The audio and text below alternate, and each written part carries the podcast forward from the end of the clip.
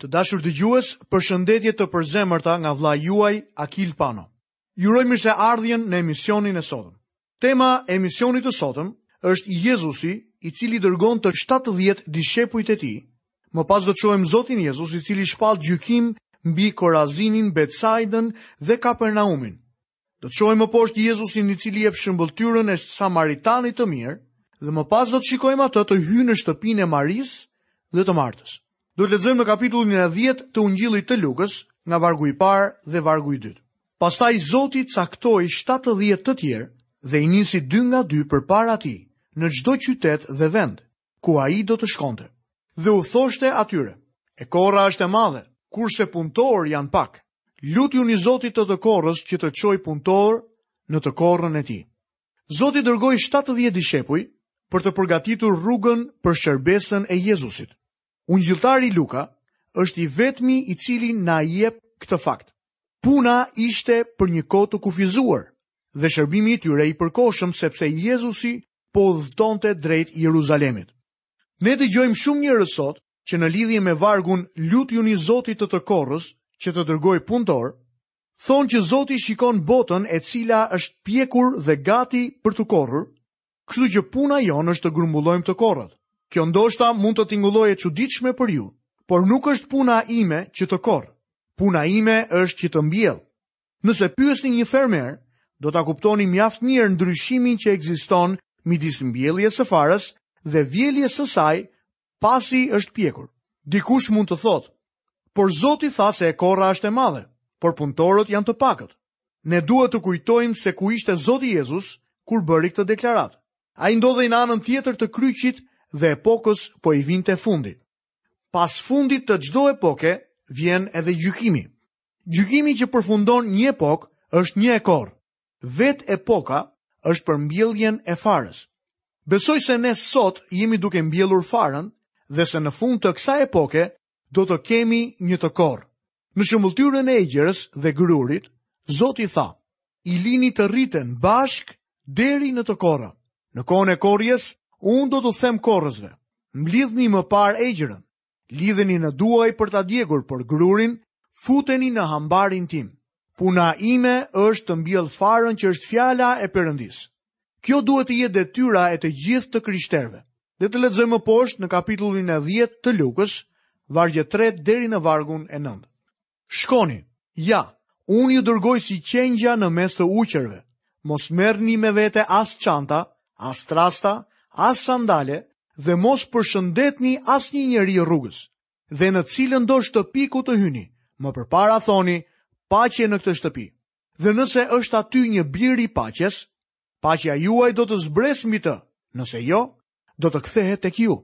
Rrini pra në të njëjtën shtëpi, hani dhe pini atë që do t'ju japin, sepse punëtori meriton shpërblimin e vet.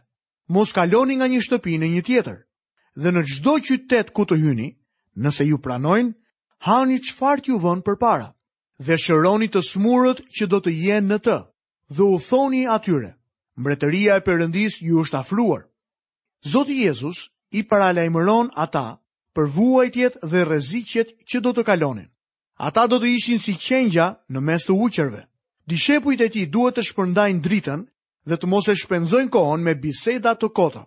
Dishepujt e Jezusit duhet të jenë njerëz të shtyrë nga i vetmi motiv suprem, të përgatisin zemrat për ardhjen e Krishtit. Le të vështrojmë më poshtë Jezusin i cili shpall gjykim mbi Korazinin, Betsaidën dhe Kapernaumin, këta qytete të cilat ishin të mbushura me banorë në kohën kur Jezusi erdhi dhe vizitoi planetin tonë. Lexojmë vargjet 10 deri në vargun e 16. Por në çdo qytet ku të hyni, nëse nuk ju pranojnë, dilni në rrugët e tij dhe thoni: Ne po shkundim kundër jush edhe pluhurin e qytetit tuaj që na u ngjit.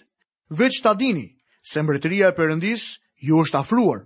Unë ju them, se atë ditë Sodoma do ta ketë më të lehtë se ai qytet. Mjerë ti Korazin! Mjerë ti Betsaida! Sepse po të ishin bërë në Tiro dhe në Sidon, mrekullitë që u bënë tek ju, ata prej kohësh do të kishin bërë pendesë duke u veshur me thas dhe duke u ulur në hi. Prandaj ditën e gjyqit, Tiro dhe Sidoni do ta kenë më lehtë se ju. Dhe ti, Kapernaum, që të kanë ngritur deri në qiell, do të poshtërohesh deri në ferr. Kush ju dëgjon, më dëgjon mua. Kush ju përbuz, më përbuz mua, dhe kush më përbuz, përbuz atë që më ka dërguar. Shohim Jezusin, Zotin tonë, i cili flet me shumë seriozitet për refuzimin e lajmtarëve të tij. Refuzimi i tyre ishte njëlloj si refuzimi i bërë ndaj tij. Lexojmë vargjet 17 deri në vargun e 20. Dhe të 70-ët u kthyen me gëzim dhe thanë: Zot, edhe demonët na nënshtrohen në emrin tënd. Dhe ai u tha atyre: Unë e shikoja Satanin që po binte nga qielli si një rrufe. Ja, ju dhashë pushtet të shkelni përmbi gjarpërinj dhe akrepa, dhe mbi çdo pushtet të armikut, dhe asgjë nuk do të mund t'ju dëmtojë. Megjithatë, Mos u gëzoni për faktin se po ju nënshtrohen frymërat, por gëzoni më shumë se emrat tuaj janë shkruar në qiej. Në mënyrë që të përmbushë historinë e të 70-ve, Luka përshkruan kthimin e tyre. Ata u kthyen të ngazëllyer dhe të emocionuar në të njëjtën kohë. Është e njëjta eksperiencë që provojmë sa herë që përhapim fjalën e Perëndisë dhe dikush vjen te Krishti. Sa të lumtur që ndihemi në këto momente. Është një mësim i mrekullueshëm nëse do të kujtojmë fjalët e Jezusit. Mos u gëzoni për faktin se po ju nënshtrohen frymërat, por gëzoni më shumë se emrat tuaj janë shkruar në qiej. Nuk është për shkakun tonë, po për shkak të punës së tij. Lexojmë vargjet 21 deri në vargun e 24. Në të njëjtën orë, Jezusi ngazëlloi në frymë dhe tha, Unë të lavdëroj o atë, Zoti i qiellit dhe i tokës, sepse ua fshehe këto të urtëve dhe të zgjuarve dhe ua zbulove fëmijëve të vegjël. Po o atë, sepse kështu të pëlqeu ty. Gjithçka më është dhënë në dorë nga Ati im, dhe askush nuk e di kush është biri përveç Atit, dhe kush është Ati përveç birit dhe atij që biri do t'ia zbulojë. Pastaj si u kthye nga dishepujt, u tha atyre veçmas. Lum sytë që shohin ato që shihni ju, sepse ju them se shumë profetë dhe mbretër dëshiruan të shohin ato që ju shihni, por nuk i panë, dhe të dëgjojnë ato që ju po dëgjoni, por nuk i dëgjuan. Le të shohim më poshtë, Zotin Jezus, i cili jep shëmbëlltyrën e Samaritanit të mirë. Tani kemi mbërritur tek diçka që karakterizon ungjillin e Lukës, shëmbëlltyrat. Luka fokusohet tek shëmbëlltyrat, ashtu siç Marku fokusohet tek mrekullitë. Luka regjistron disa shëmbëlltyra që janë pjesët më të njohura të Biblës. Shëmbëlltyra e Samaritanit të mirë është ndoshta historia më e njohur. Disa kritikë të njohur e konsiderojnë atë si historia më e madhe që është treguar ndonjëherë. Lexojmë në vargun e 25. Atëherë ja, një doktor i ligjit u ngrit që ta vinte në provë dhe i tha: Mësues, çfarë duhet të bëj që të trashëgoj jetën e përjetshme? Shëmbëlltyra e samaritanit të mirë rrodhi si një përgjigje ndaj pyetjes për jetën e përjetshme. Pyetjen e bëri një doktor i ligjit por ai nuk ishte avokat në kuptimin që ne kemi sot. Kam dëgjuar një histori të shkurtër për avokatët në sistemin tonë juridik. Një herë, dy avokatë ishin në një gjykatë. Ishte një rast i vështirë dhe kishte shumë polemikë midis tyre. Gjyqi u hap dhe avokati numër 1 kërceu dhe e quajti avokatin tjetër gënjeshtar. Ky i fundit u ngrit për t'iu kundërpërgjigjur dhe e quajti të parin hajdut. Gjykatësi goditi për të vendosur qetësinë dhe tha, Tashmë që avokatët e identifikuan vetveten, mund të fillojmë procesin. Gjithsesi, avokati në këtë shëmbëlltyrë nuk ishte pjesë e sistemit gjyqësor. Ai më tepër ishte një interpretues i ligjit të Moisiut dhe në këtë kuptim quhej njeri i ligjit. Tani Zoti ynë gjen një mënyrë të mrekullueshme për t'iu përgjigjur kësaj pyetje. Ai përgjigjet duke bërë një pyetje tjetër. Meqenëse ra fjala, kjo njihet edhe si mënyra e Sokratit, sepse Sokrati, ky filozof grek, e përdorte shumë këtë mënyrë. Ai i përgjigjej gjithmonë një pyetje me anë të një pyetje tjetër. Ai e la atë njeri t'i përgjigjet pyetjes që ai bëri vetë. Kështu pra njeriu i ligjit po përpiqet ta vendosë Jezusin në pozicionin e të hetuarit, por ndodhi e kundërta. Zoti Jezus kthehet dhe e vendos atë në këtë pozicion. Lexojmë vargun e 26. Dhe ai tha, çfarë është shkruar në ligj, si e lexon? Jezusi e dinte se ai ishte një ekspert në ligjin e Mojsiut. Le të shohim më poshtë si vazhdon shkrimi. Lexojmë vargjet 27 dhe 28. Ai duke u përgjigjur tha, Duaje Zotin, Perëndinë tënd, me gjithë zemrën tënde, me gjithë shpirtin tënd, me gjithë forcën tënde dhe me gjithë mendjen tënde, dhe të afërmin tënd, porsi vetveten. Jezusi i tha, u përgjigje drejt, vepro kështu dhe do të rrosh, pyes veten nëse e vini re apo jo gjembin që ndodhet këtu. Lexojmë në vargun 29. Por ai duke dashur të justifikonte veten, i tha Jezusit, Po kush është i afërmi im? Vini re se Zoti ynë tha, u përgjigje drejt. Mbani mend se kjo ndodhi përpara se Krishti të vdiste në kryq. A do të thotë kjo vallë që një njeri mund të shpëtohet duke mbajtur urdhërimet e ligjit? Po, por le të vijojmë më poshtë. Nuk shfajsohen dëgjuesit e ligjit por bërësit e tij. Nëse thua që mundesh ta mbash ligjin, po të kujtoj se Zoti vetë të kundërshton. Ai thotë që është e pamundur të justifikohesh me anë të ligjit, sepse askush nuk mund ta mbajë ligjin. Apostulli Pal na shkruan te Galatasit dhe tek letra drejtuar Romakëve këto fjalë. duke ditur se njeriu nuk shfajësohet me anë të veprave të ligjit, sepse atë që ishte e pamundur për ligjin, sepse ishte pa forcë për shkak të mishit, Perëndia duke dërguar birin e vet në shëmbëllim mishi mëkatar, edhe për mëkat e dënoi mëkatin në mish, që të përmbushet drejtësia e ligjit në ne, që nuk ecim sipas mishit, por sipas frymës. Tani nëse njeriu i ligjit do të kishte qenë i ndershëm, Ai do të kishte thënë, Mjeshtër, mësues, sinqerisht jam përpjekur ta dua Zotin me gjithë zemrën time, mendjen dhe shpirtin tim, dhe ta dua të afërmin tim si vetveten, por nuk kam mundur ta bëj dot këtë. Kam dështuar në mënyrë të tmerrshme. Kështu pra, si mund ta trashëgoj jetën e përjetshme? Por në vend që të ishte i ndershëm, ky doktor i ligjit përvetësoi këtë metodë shmangjeje dhe i tha: Kush është i afërmi im? Krishti iu përgjigj me anë të shëmbëlltyrës së Samaritanit të mirë. Është një histori e thjeshtë, por fantastike. Lexojmë vargun 30 deri në vargun 32. Atëherë Jezusi u përgjigj dhe tha: Një burrë zbriste nga Jeruzalemi për në Jeriko dhe ra në duart e kusarëve, të cilët mbasi e zhveshën dhe e bënë gjithë plagë. u larguan dhe e lanë gati të vdekur. Rastësisht një prift po zbriste nëpër të njëjtën rrugë dhe mbasi e pa atë burrë, vazhdoi tutje në anën tjetër. Po ashtu edhe një levit, kur arriti aty, erdhi dhe e pa dhe vazhdoi tutje në anën tjetër. Ka mundësi që ky njeri i ligjit të ketë qenë një levit dhe arsyeja pse filloi të përpëlitej në këtë pikë ishte sepse kjo gjë e preku në mënyrë personale. Lexojmë poshtë nga vargu 33 deri në vargun e 37. Por një samaritan që po udhëtonte i kaloi afër e pa dhe kishte dhembshuri. Dhe mbasi iu afrua, ia lidhi plagët duke ia larë me vaj dhe me verë. Pastaj e vuri mbi kafshën e vet, e çoi në një han dhe u kujdesua për të. Dhe të nesërmen, para se të niset, nxori dy denarë dhe ia dha hanxhiut duke i thënë, kujdesu për të dhe ç'të shpenzosh më shumë, do të t'i jap kur të kthehem. Cili nga këta të tre pra, të duket se qe i afërmi i atij që ra në duart e kusarëve. Dhe ai tha, ai që u tregua i mëshirshëm ndaj tij. Atëherë Jezusi i tha, shko dhe bëj kështu edhe ti. Një filozof ka thënë se në këtë shëmbëlltyrë paraqiten tre klasa njerëzish të cilët përfaqësojnë tre filozofi të jetës. Klasa e parë janë kusarët. Filozofia e tyre e jetës thotë, ajo çfarë ke ti më përket mua.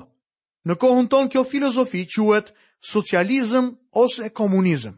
Së dyti, prifti dhe leviti, filozofia e tyre e jetës na tregon. Ajo çfarë kam unë është e imja.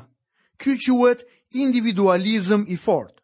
Thirrja e tyre është bota le të shkojë në dreq. Unë do të marr atë që është e imja. Në kohën tonë ky quhet kapitalizëm i keq. Së treti, Samaritani i mirë. Filozofia e tij na tregon.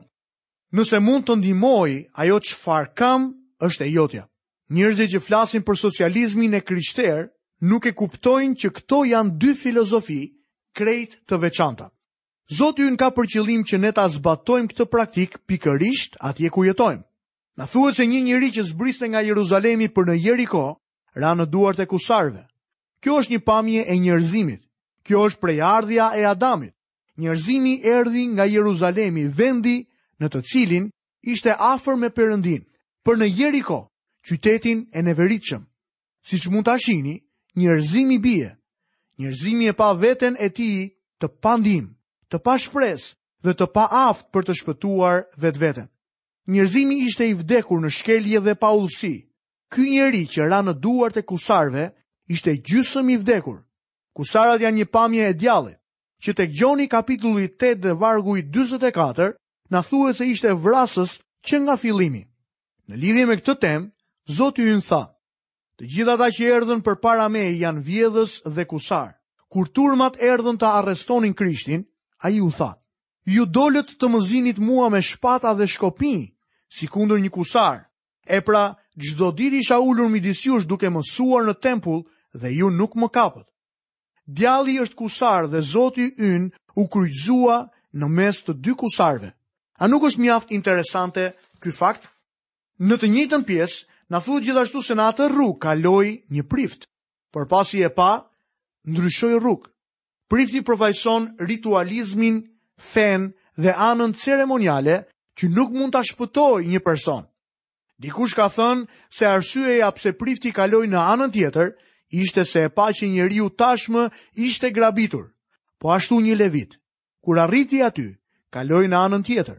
Leviti përfaqëson anën ligjore, ritualizmi, ceremonia, apo dhe ana ligjore nuk mund të shpëtojë një njeri. Më pas, kalon Samaritani. Kë përfaqëson ky Samaritan? Samaritani përfaqëson personin që tregon shëmbëlltyrën. Atëherë kur ritualizmi, ligji, ceremonia, feja nuk bëri asgjë për ta ndihmuar këtë njeri, erdhi Krishti. Ai është i aftë të lidhë zemrat e thyera. Ai është në gjendje të marrë mëkatin e humbur, gjysmë të vdekurin, të humburin në shkelje dhe mëkate dhe ta ndihmojë. Kjo shëmbëlltyrë ka një zbatim praktik për ty dhe mua sot. Çdo person që ti mund të ndihmosh është i afërmi yt. nuk do të thotë që personi që jeton afër teje është i afërmi yt. Njerëzit kanë nevojë për Krishtin, Samaritanin e mirë. Ka shumë diskutime në lidhje me përhapjen e ungjillit në botë, por nuk bëhen shumë përpjekje që njerëzit të njohin Krishtin. Është një lloj si një djalë i ri që ishte i dashuruar me një vajzë. Ai i shkroi asaj një letër ku thoshte: Unë do të ngjis malin më të lartë për ty. Do të notoj në lumin më të thellë për ty. Për ty do të kapërcej detin më të gjerë dhe shkretëtirën më përvëluese, vetëm për ty. Dhe në fund të këtyre fjalëve vendosi gërmën P dhe S dhe shtoi. Nëse nuk do të bjerë shi të enjten tjetër, do të vij të takoj. Kjo tingëllon si përkushtimi që ka bërë mesatarja e të krishterëve ndaj Krishtit. Bota sot është si njeriu që ra në duart e kusarëve dhe ka nevojë për ndihmën tonë. Bota ka nevojë për Krishtin. Krishti jo vetëm që mund të na shpëtojë nga mbytja, por akoma më tepër mund të na mësojë se si të notojmë. Ritualizmi dhe formalizmi e shohin njerëzimin duke u mbytur dhe thonë, "Noto vëlla, noto." Por njeriu nuk mund të notojë.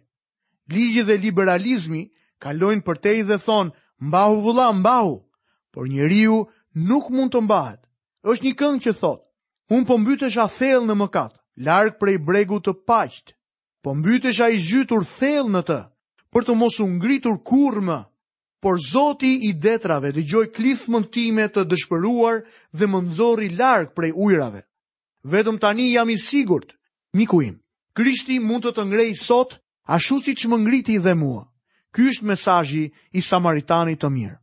Lexojmë më poshtë vargjet 38 deri në vargun 42.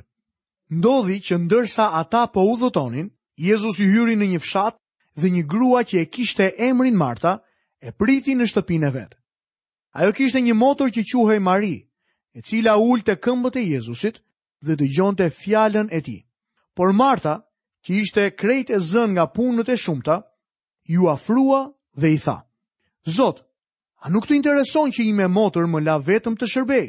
I thuaj pra që të më ndihmojë, por Jezusi duke u përgjigjur i tha, Martë, Martë, ti po shqetësohesh dhe kujdesesh për shumë gjëra, Por vetëm një gjë është e nevojshme, dhe Maria zgjodhi pjesën më të mirë që asaj nuk do t'i hiqet. Pa u futur në shumë detaje, mendoj të themi se Maria e bëri pjesën e saj. Pastaj shkoi dhe u ul në këmbët e Jezusit. Marta, motra e saj, ishte mjaft e dashur dhe nëse nuk do të kishte qenë ajo, ata nuk do të mund të kishin ngrënë atë darkë të këndshme që hëngrën. Gjithsesi, Ishte shumë e zënë dhe për këtë arsye filloi të irritohej. Ndoshta po zgjatej për të kapur një tigan, por tigani ra nga rafti. U bë rrëmujë dhe kishte shumë punë për të. Kështu që e mërzitur siç ishte, doli nga kuzhina dhe tha diçka që nuk do ta kishte thënë sikur të kishte qenë në kushtet normale. Zoti ynë ishte shumë i butë me të dhe tha, Maria ka zgjedhur pjesën më të mirë. Miku im, a je ndier ndonjëherë konfuz dhe i irrituar, dhe a je gjendur ndonjëherë në atë cep të jetës tënde, ku nuk di se nga të kthehesh. Atëherë për hir të Zotit, ulu në gjunjë, ulu në këmbët e Jezusit, Vëzhgo fjalën e tij dhe shiko se çfarë do të thotë. Perëndia don të flasë me ty. Ai don që ti ta dëgjosh zërin e tij. Zoti do të të nxjerrë nga bota e errësirës tënde dhe të të sjellë në dritën e tij. Hape zemrën për Jezusin dhe ftoje atë që të vijë brenda saj. Të dashur miq, këtu kemi mbërritur dhe në fundin e emisionit të sotëm.